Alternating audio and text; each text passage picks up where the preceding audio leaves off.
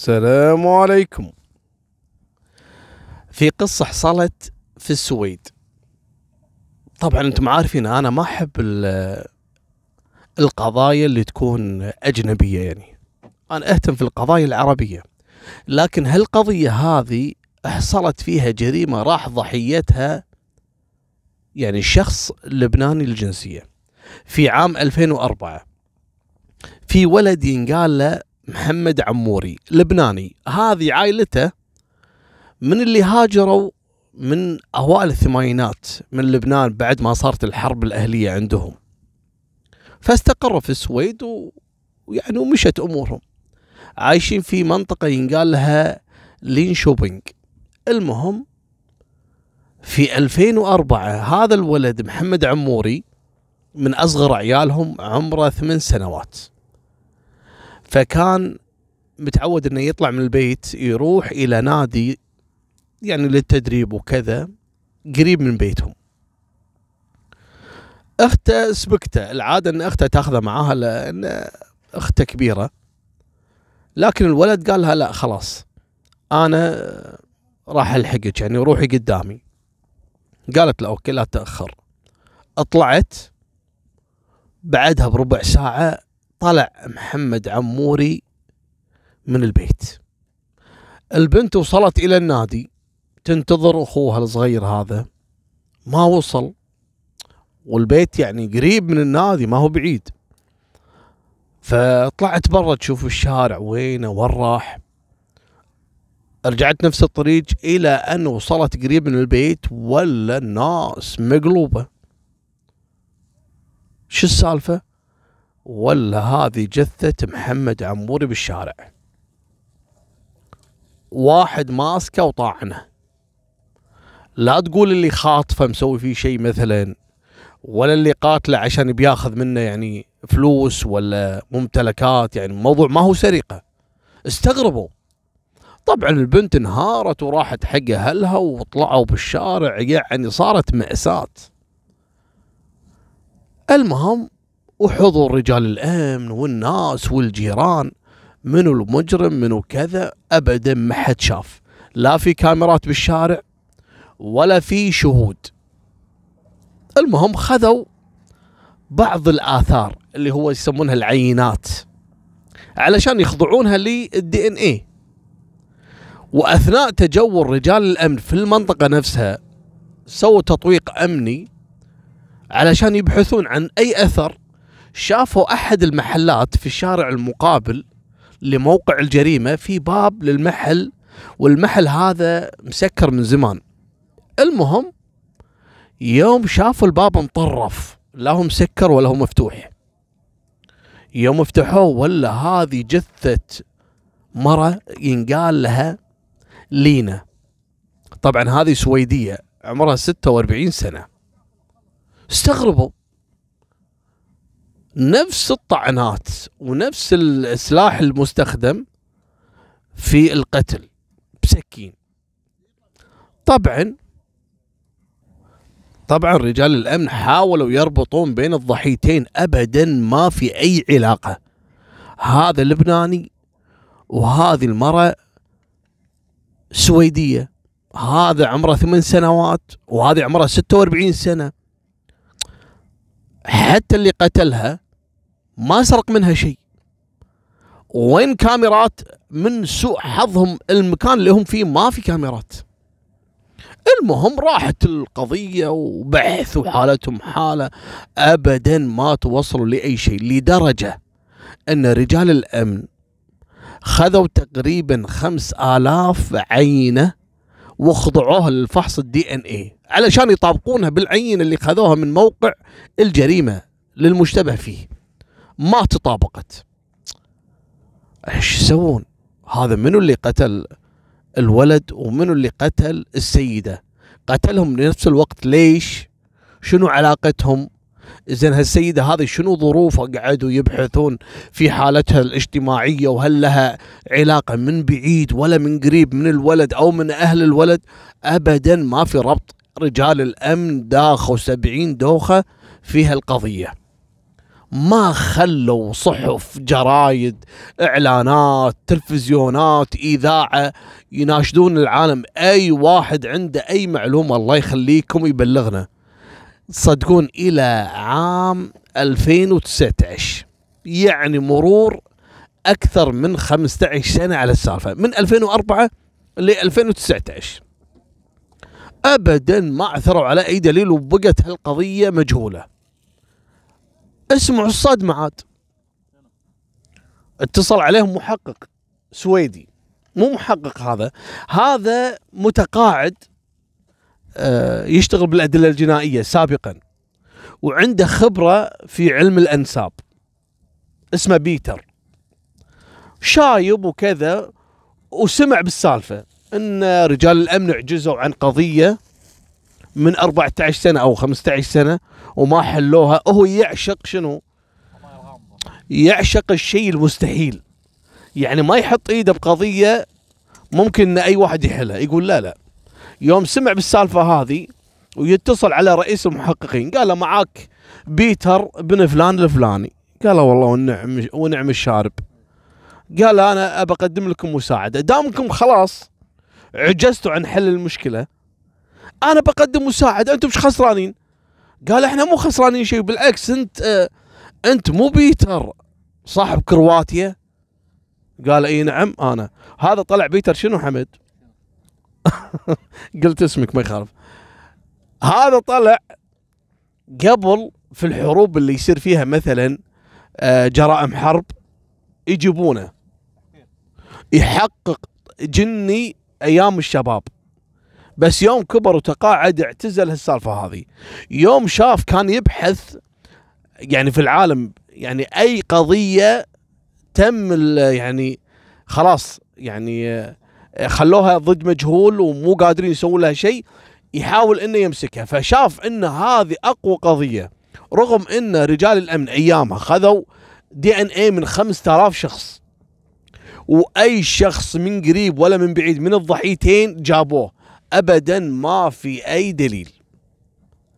فلما عرض على رئيس التحقيق قال أبد أنا ما عندي مشكلة. تعال يوم جاء ويعطيك كتاب شنو؟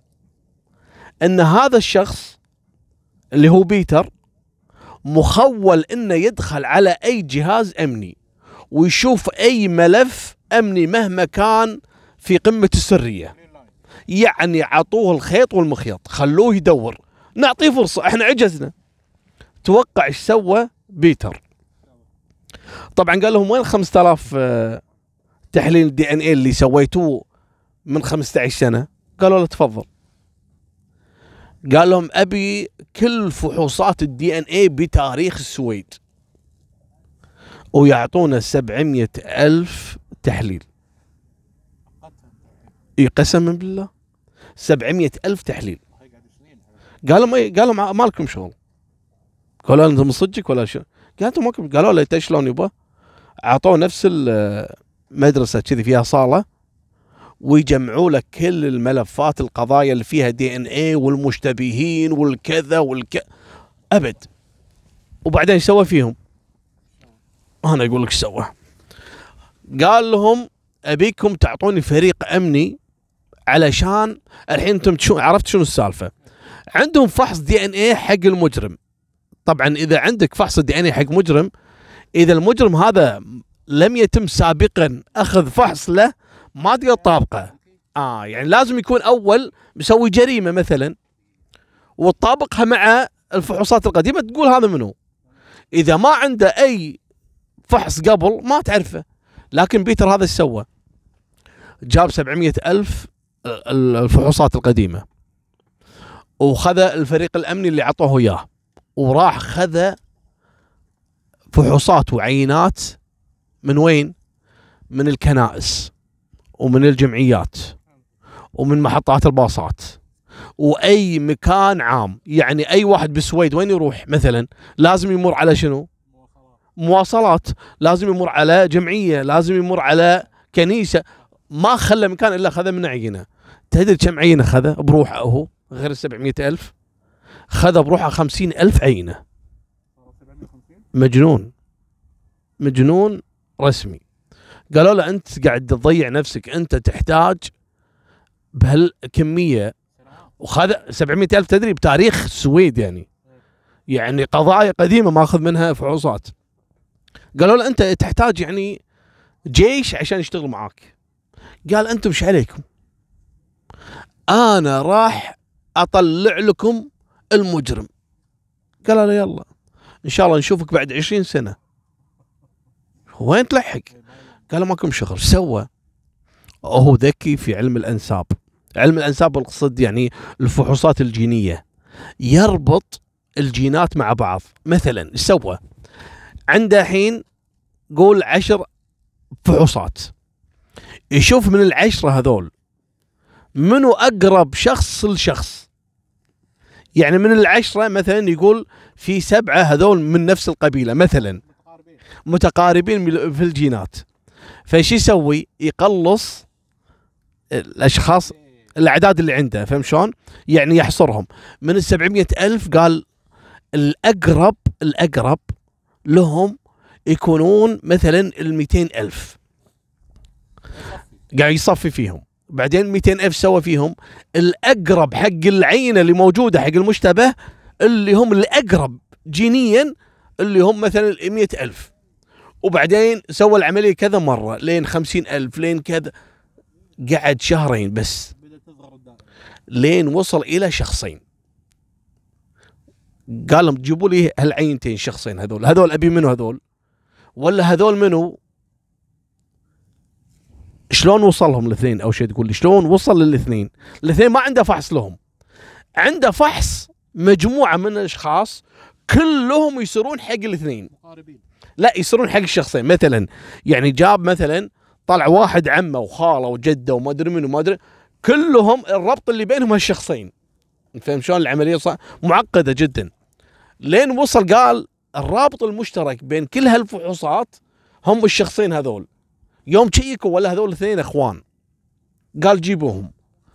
راحوا لعنوانهم لقوا واحد الثاني مو لاقينه. ألقوا القبض عليه. قالوا له وين أخوك؟ قال أخوي آه، مسافر. وين مسافر؟ يعني مسافر داخل السويد بس مكان ثاني بعيد يعني بشمال السويد. من متى مسافر؟ قال من 2004 أهلا. تشيكوا عليه متى وكذا ولا فعلا طلع رخصة قيادة في ولاية ما أدري وين بعيد بعد الجريمة بشهر. ومن يومها ما رجع. يوم فحصوا الأخ هذا طلع مو هو صاحب العين اللي موجودة في الجريمة. قالوا الحين نبي منه أخوه. لأن عينة أخوه هذا اللي أول واحد مطابقة ومقاربة 90% من الأخو اللي مجرم هذا. قالوا بس وصلنا. ويلقون القبض عليه. أو يعترف بالجريمة. طبعا الصدمة شنو؟ هذا تعدل وتوظف قبل كان عاطل ويسكر. انصلح حاله بعد الجريمة وخاف وصار زين وتزوج وصاروا عنده عيال و... قال وين تروح؟ انجن. شلون صدتوني بعد العمر هذا كله؟ طبعا بيتر هذا صار أسطورة عالم الجريمة. قالوا له أنت الحين نبي نعرف شغلة واحدة. محمد عموري اللبناني الولد اللي عمره ثمان سنوات. والسيدة السويدية اللي عمرها 46 سنة. شنو العلاقة بينهم؟ أنت شلون ارتكبت الجريمة؟ مثلا قتلت الولد وقتلت السيدة. هذا ما بينهم أي علاقة. وأنت يعني أفهمنا إيش صار؟ قال لي أنا بعطيكم السالفة باختصار. أنا طلعت من كازينو وكنت سهران فيه. وشا وسكران وحالتي حالة.